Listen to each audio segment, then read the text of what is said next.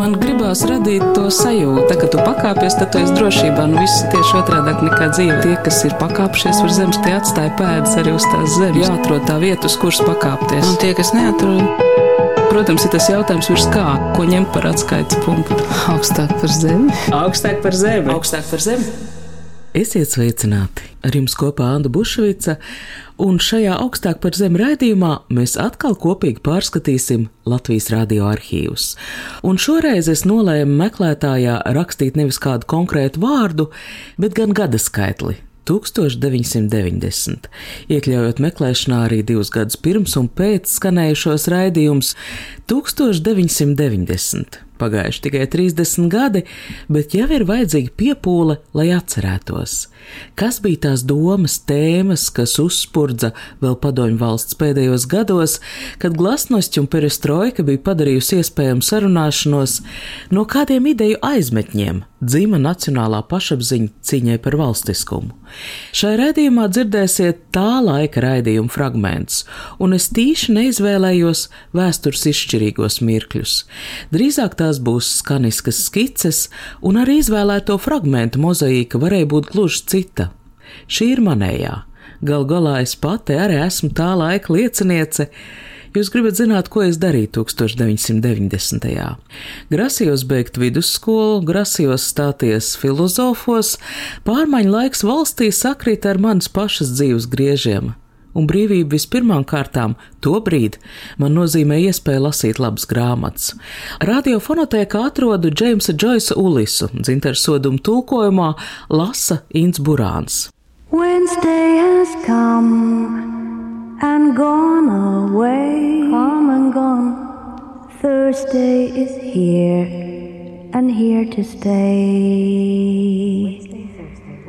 Viņa pārkāpj slieksni, viņš vilcinās, viņa apgriežas, stiepja rokas un velk viņu pāri. Viņš lec ar abām kājām uzreiz. Priekšnavā uz brieža ragu žubura karājas vīriešu cepuru un lietas mētās. Blūms noņem savu katliņu, bet cepuru un mēteli redzēdams, rauc pieri, grims domās un izklaidīgi smaida. Pustrepelējā kāds sprāgs durvis, vīrietis, purpura sarkanā kraklā un palēkās biksēs, brūnas zeķes kājā, atgāzis pliku pauri un izslēdz āža bārdiņu pērtiķa gaitā, aiznes abām rokām apkamptu pilnu ūdens krūzi, ejot divas melnas bikšķuru lences sitas ap papēžiem. Blūms žigli novērš seju un liecas priekšnama galda spoguļlakā skatīt savas bēgošas lapsas spanieļacis. Tad ceļ galvu, ostās un seko Zojai zālē. Lorijas Andersons muzika arī 90. zīme. Taču šai skaņdarbā ir arī tāds dīvains attiecības ar laiku. Tāds ir arī Džojas Ulisā, visa pamatīgā izmēra grāmata.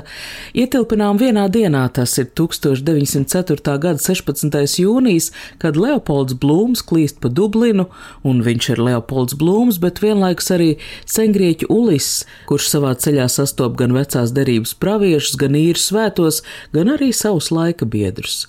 Savukārt Lorija Andersona monotoni atkārto nedēļas dienu nosaukumus, un viņi kopīgi rada laiku, kurā sajaukušies visi laiki un visi notikumi.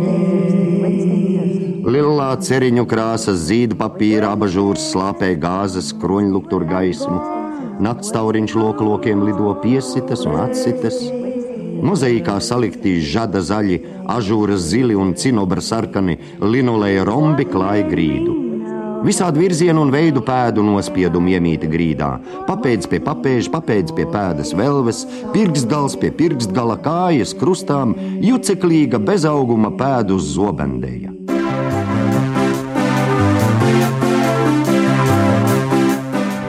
Šodien ieskats jūsu vēstulēs. Un ar vēstulēm saistīti ieraksti? Jā, viss kopā tātad vēstuļu mikrofons.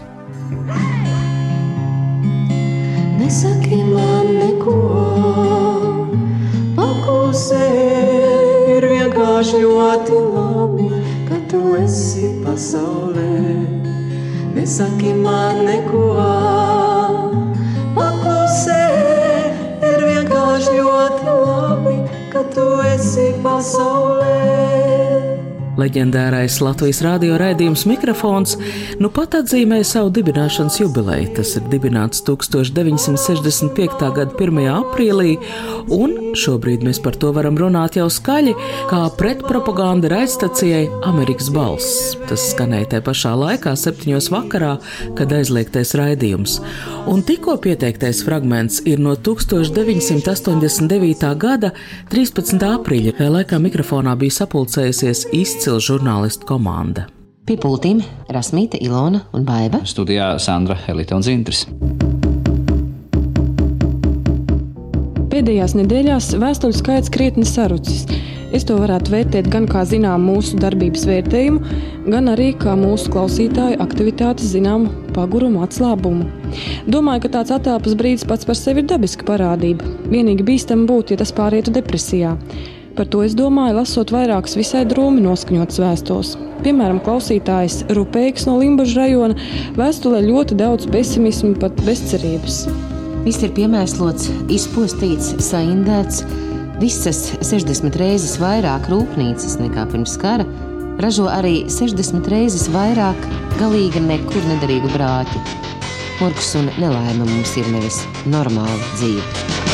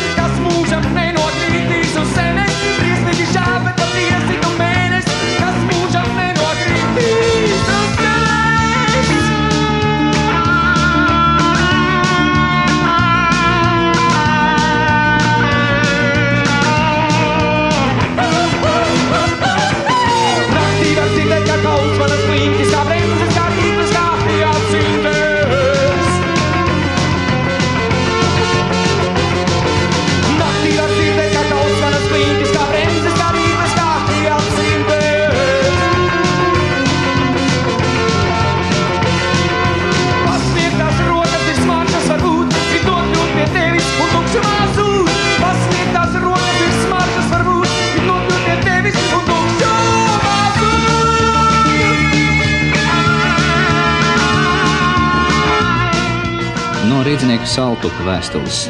Arvien dziļāk un dziļāk kangari un nodevēji grims savās riebīgajās melu peklēs. Liekas, ka Latvijas pamatnācijas liktenis ir vienaldzīgs arī Latvijas komunistiskās partijas vadībai. Kā gan citādāk, lai izskaidro faktu, ka partijā notiek šķelšanās un nogrupēšanās. Tas ir pilnīgi skaidri redzams no tā, ka tūkstošiem komunistu, daudz vairāk nekā tautas frontē, aktīvi darbojas internacionālistu rindās.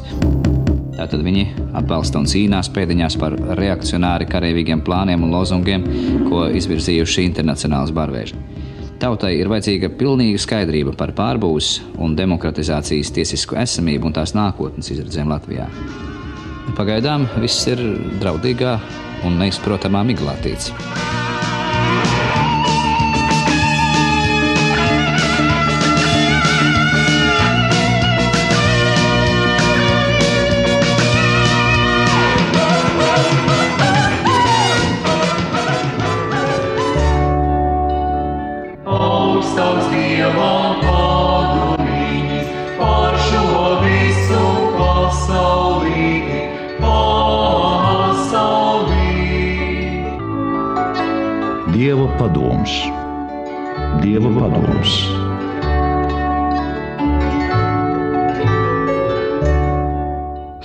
Raidījums Latvijas Dieva padoms.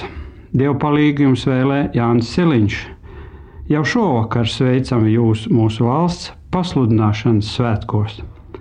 Kādas izjūtas pārdzīvojam, kā mēs izjūtam savu zemi, savu valsti, vai ar pienācīgu sapratni Lai iegūtu ražu, vispirms ir jāra un jāsēj. Lai būtu kur sēt, zeme ir jāiekopja āriska, novācot kokus, krūmus, izlaužot celmus. Līdzīgi, iztīrot nekārtību saknes, pārticīgai dzīvošanai jāiekopja ražana valsts. To neveiksim, neizjūtot savus tēvzemes skaistumu, mīlestību, vērtību. Šīs īpašības ir ikdienu sevī turamas, stiprinamas, kopjamas. 90. un diezgan ilgi līdz pat tūkstošgadus mijai Latvijas rādio skanēja latviskajai dzīves ziņai uz pirmās Latvijas valsts laikā dzimušās dievturības pamatiem balstīts raidījums. Šobrīd tāds rēdījums man šķiet vairs nebūtu iespējams.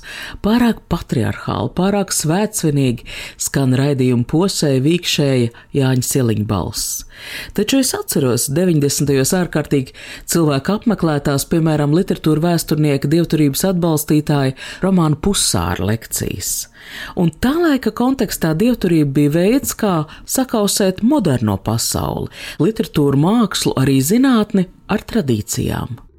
Šovakar daudzināsim mūsu mātes Māras zemi un tēvu zemi, Kanādā dzīvojošās sabiedriskās darbinieces un žurnālists Dievturas Marutas Vojtkus Lūkinas vārdiem. Vārdiem, kam pamats dainu dievājajās atziņās. Nevelti dainas saucam par dieva dziesmām, dieva padomu piepildītām dziesmām. Nesapratējis teiks atkal par senčiem un senatni. Bet lūk, Marutas citā reizē teiktais. Mūsu lielam lielajam tautas vairākumam, mūsu pārlaicīgās dainas, diemžēl dzirdam vibrē tikai visvirspusējākās toņkārtās, pantiņu, mitoloģijas un folkloras raibulīšu nozīmē. Aizmirsuši mēs esam to sakrālo saturu, bet tas tur ir. Ja sakrālā kodola dainā nebūtu, tā neizdzīvot tautas mutē līdz barona tēva pierakstu laikam un skolas mācību grāmatās līdz šai baltai dienai. Tikai mūžīgās vērtības dzīvo saules mūžu, sakrālās. Daudzināsim mūsu māras zemi, mūsu tēvu zemi. Mīļās māras pagalmā ir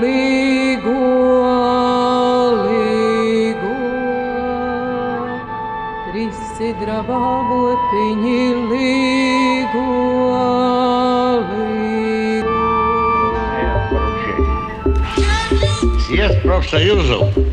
Laipni lūgt atpakaļ 1989. gada mikrofona vēstuļu raidījumā un pievērsiet uzmanību man šķiet izcils šī raidījuma mūzikas redaktora Gunter Venena darbs. Здесь находятся посланцы тех, чей труд в самом полном, в самом благородном смысле этого слова лежит в основе. Rīznieks Ābols savu vēstuli sāk tā: Godātā redakcija, vārds ir pilns. Neļaušu vairs nekulturālajiem visavienības ministriem un resoru vadītājiem, kurus pārņēmis zvērisks Baltijas dabas un cilvēku iznīcināšanas prieks, netraucētu turpināt genocīdu. Mans nodoms ar ārzemju preses pārstāvju starpniecību publicēties kādā no ārzemju preses izdevumiem, paziņojot par Maskavas noziegumiem apkārtējās vidas apzinātā piesārņošanā Latvijā. Tādēļ lūdzu paziņot nākošajā vēstuļu raidījumā ārzemju preses centra adresi.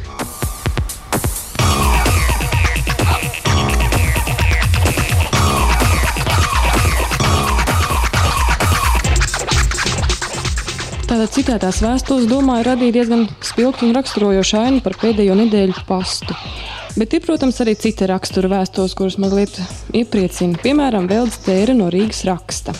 Es kā latviete, latviešu tautas neliela sastāvdaļa, ar jūsu redakcijas palīdzību gribu izteikt vislielāko pateicību mūsu ministru padomas priekšsēdētājam Biedram Bresim par to izpratni un atbalstu, kas tika parādīta Latvijas Igaunijas biedrībai ar ministru padomas rīkojumu, piešķirot Igauniju draugiem viņu senču celto namu.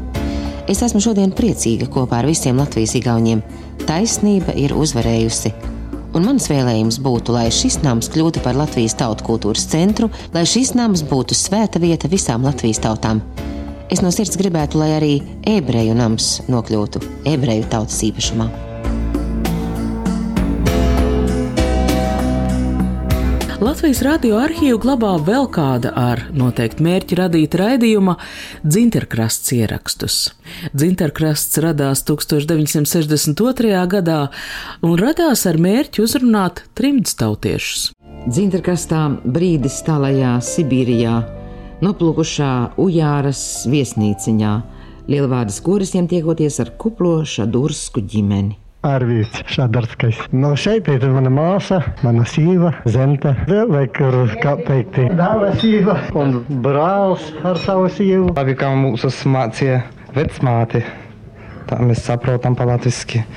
Tā mēs stipri daudz nerunājam šitin palatviski, par ko daudz krīvu šitin.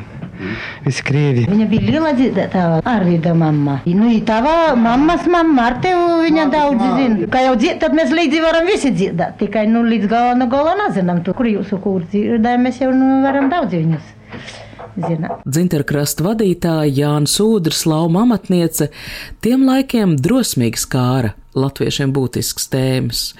1990. gadā izskan Dzinterkrasta pēdējais raidījums, un var jau saprast, līdz ar Latvijas valstiskumu atjaunošanu nepastāv vairs tāda trimda. Bet Dzinterkrasta pēdējā raidījumā iekustināto tēmu apkopojums arī dziļi izjusta man šķiet joprojām aizkustinoši, kādas klausītājas reakcija uz dzirdēto. Šodienas interkastā es dzirdēju sarunu ar Sibīrijas latvieti Voldemāru Šadurski, raksta jau minētā Marija Iltiņa no Rīgas. Es esmu dzimusi Šadurska, un mans tēvs dzimis un audzis Latgalē. Šadurski ir pietiekoši rets uzvārds, un mūsu dzimtā pirms Pirmā pasaules kara viens vīrs pazuda Krievijas plašumos. Tas bija mana vecs, vecs tēva brālis. Varbūt es šodien dzirdēju viņa mazmazdēla balsi. Ļoti gribētos viņam uzrakstīt. Radījumā Valdemārs Šadurskungs teica, ka viņš labprāt pārbrauktu mājās Latvijā. Šadursku dzimtas mājas Reizeknas pusē nu jau pāris gadus ir tukšas. Pēdējais mūsu dzimtas zemnieks ir miris, un kādreiz bagātā saimniecība sakrīt drupās. Ļoti ceru saņemt no jums atbildi. Paldies, cienījamā Iltiņas kundze, nosūtu jums Valdemāra Šadūras adresi Krasnijārskas novadā. Nosūtu cerībā, ka Dzinterkrastam vienā no saviem beidzamajiem raidījumiem būs izdevies kaut mazliet mazināt savu, mazināt visas Latvijas žurnālistikas un, manuprāt, arī Latvijas valdības un mūsu visu Latvijā dzīvojošo parādu, savu Krievijā izkaisīto, vēl daudz vairāk par mums cietušo tautas brāļu priekšā. Beidzamajā dzintarkrasta raidījumā es vēršos pie Latvijas sabiedrības, pie mūsu pārtikušo lauku saimniecību, pie garīgā trūlumā vēl neieslīgušo rūpniecības uzņēmumu vadītājiem ar aicinājumu. Sūtiet pie Sibīrijas tautiešiem savus korus, savus deju kolektīvus, savus pašdarbības aktierus, brauciet, runājiet, lai mūsu tālie tautieši gūst iespēju, daudzi pirmo reizi mūžā gūst iespēju redzēt, dzirdēt latviešus no Latvijas. Pilnā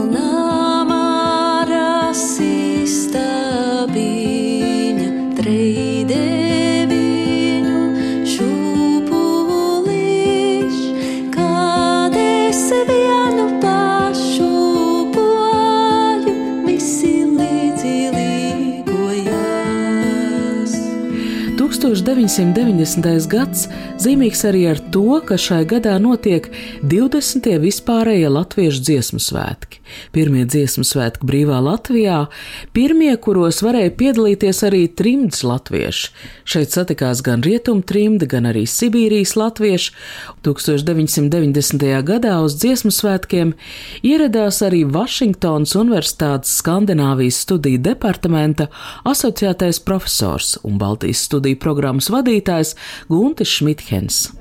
Pirmo reizi Latvijā bija 80. gadā, bet tad otru reizi 90. gadā uz dziesmu svētkiem atbraucu un tad sāku lauka darba pētījumus kā to var teikt, pētīt, kā, kā šeit risināt dziesmu svētku. Igaunijā arī bija dziesmu svētkos uz Lietuvu. Trīs dienas aizskrējām arī pār robežu, toreiz nebija atļauts amerikānim iet. Tad tur sākās tas pētījums. Atmods gadu jūsmu noplaka, taču kaut kas tajā palika kā mūžīga vērtība. Savu pirmo folkloras festivālu Baltika dziesmu svētku pieredzi desmit gadus vēlāk Gunts Šmithens apkopoja grāmatā Dziesmu vara.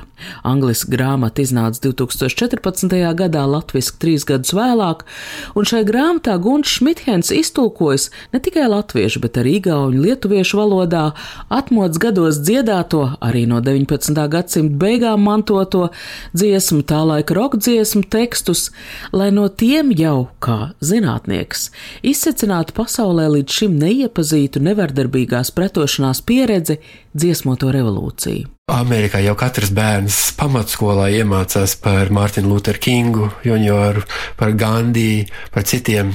Ar tādiem varoņiem es esmu audzis amerikāņu sabiedrībā, un, un tad pēkšņi, kad saprotu, ka ir vēl viens tāds stāsts, kurš jāstāsta, ka pasaulē jāzina, tad uh, bija jāraksta par to.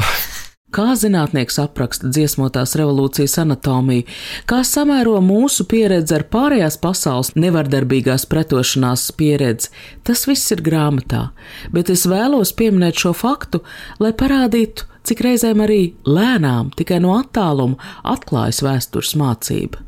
Dziesmu vara arī šī grāmata ir stāsts par 1990.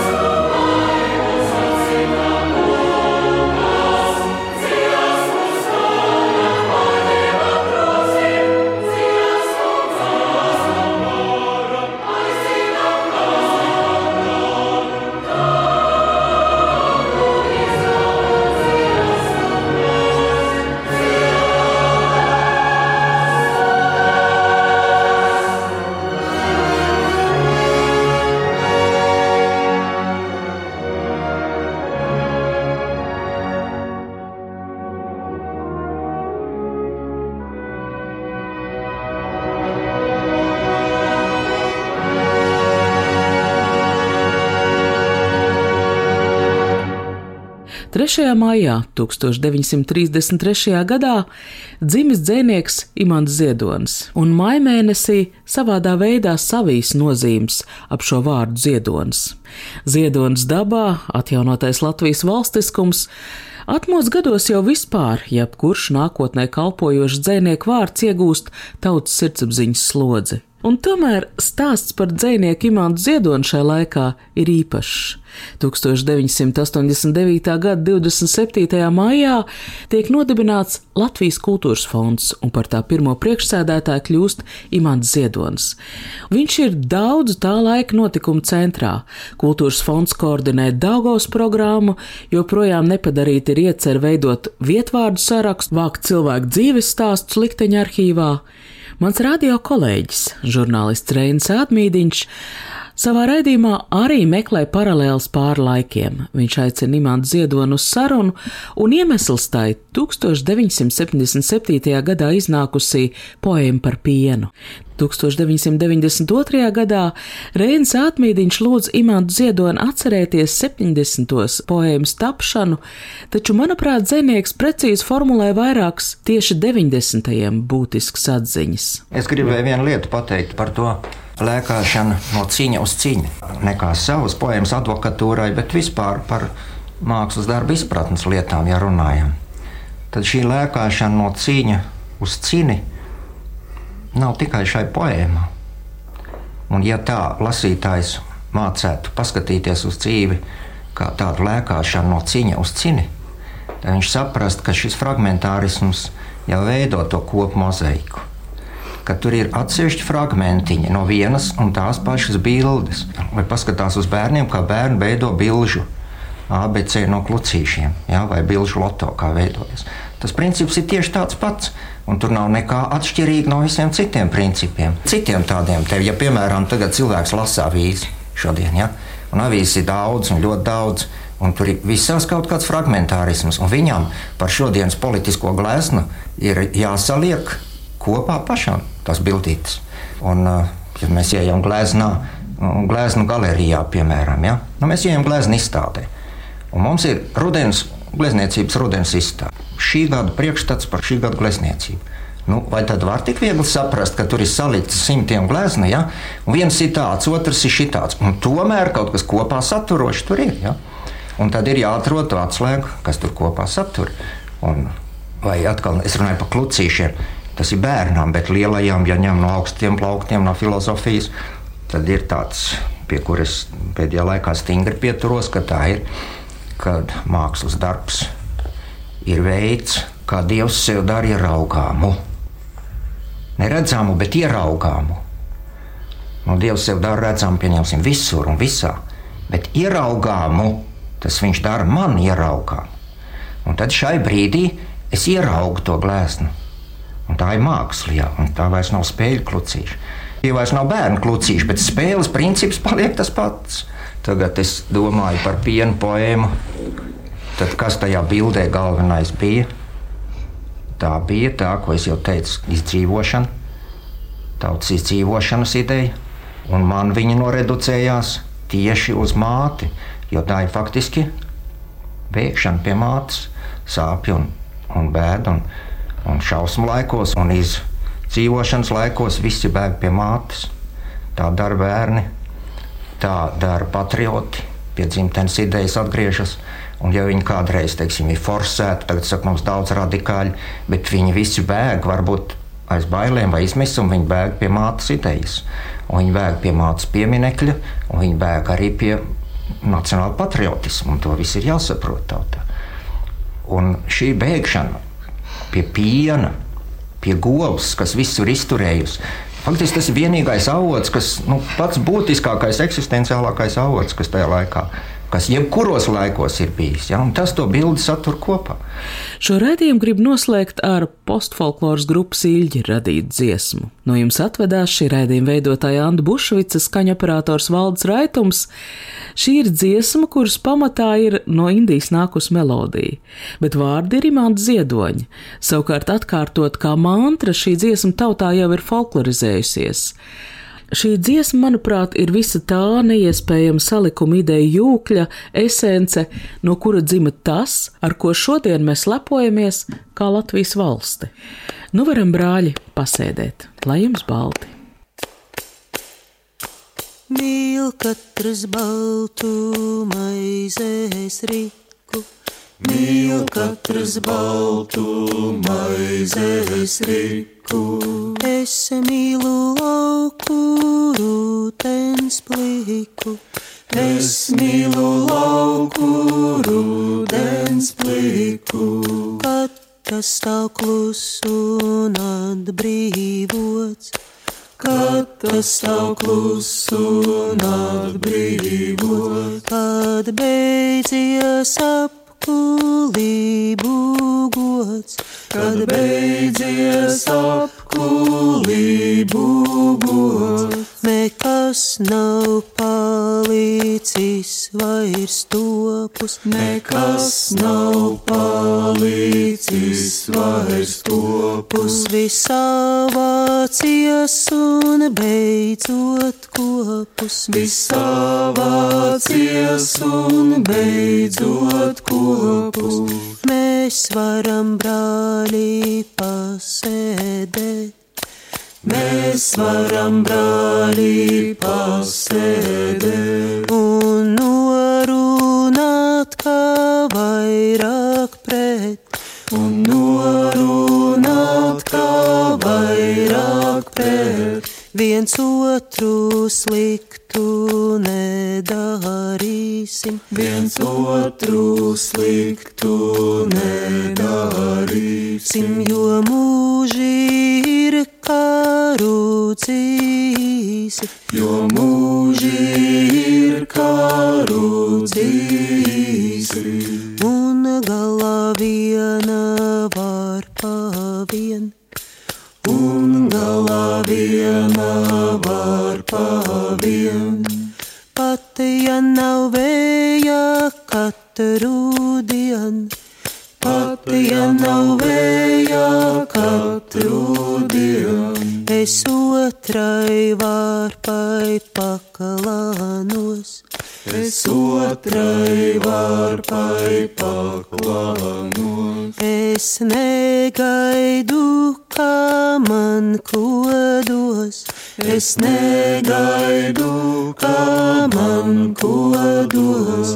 Es stāvu stiebrā zaļā kāta. Es stāvu stiebrā zaļā kāta. Man tik tikai ziedēšana prātā, man tikai ziedēšana prātā, un graudi, ko es tikko jaužu, un graudi, ko es tikko jaužu. Tie mani ir jau mūsu ļaužu, tie mani ir jau mūsu ļaužu.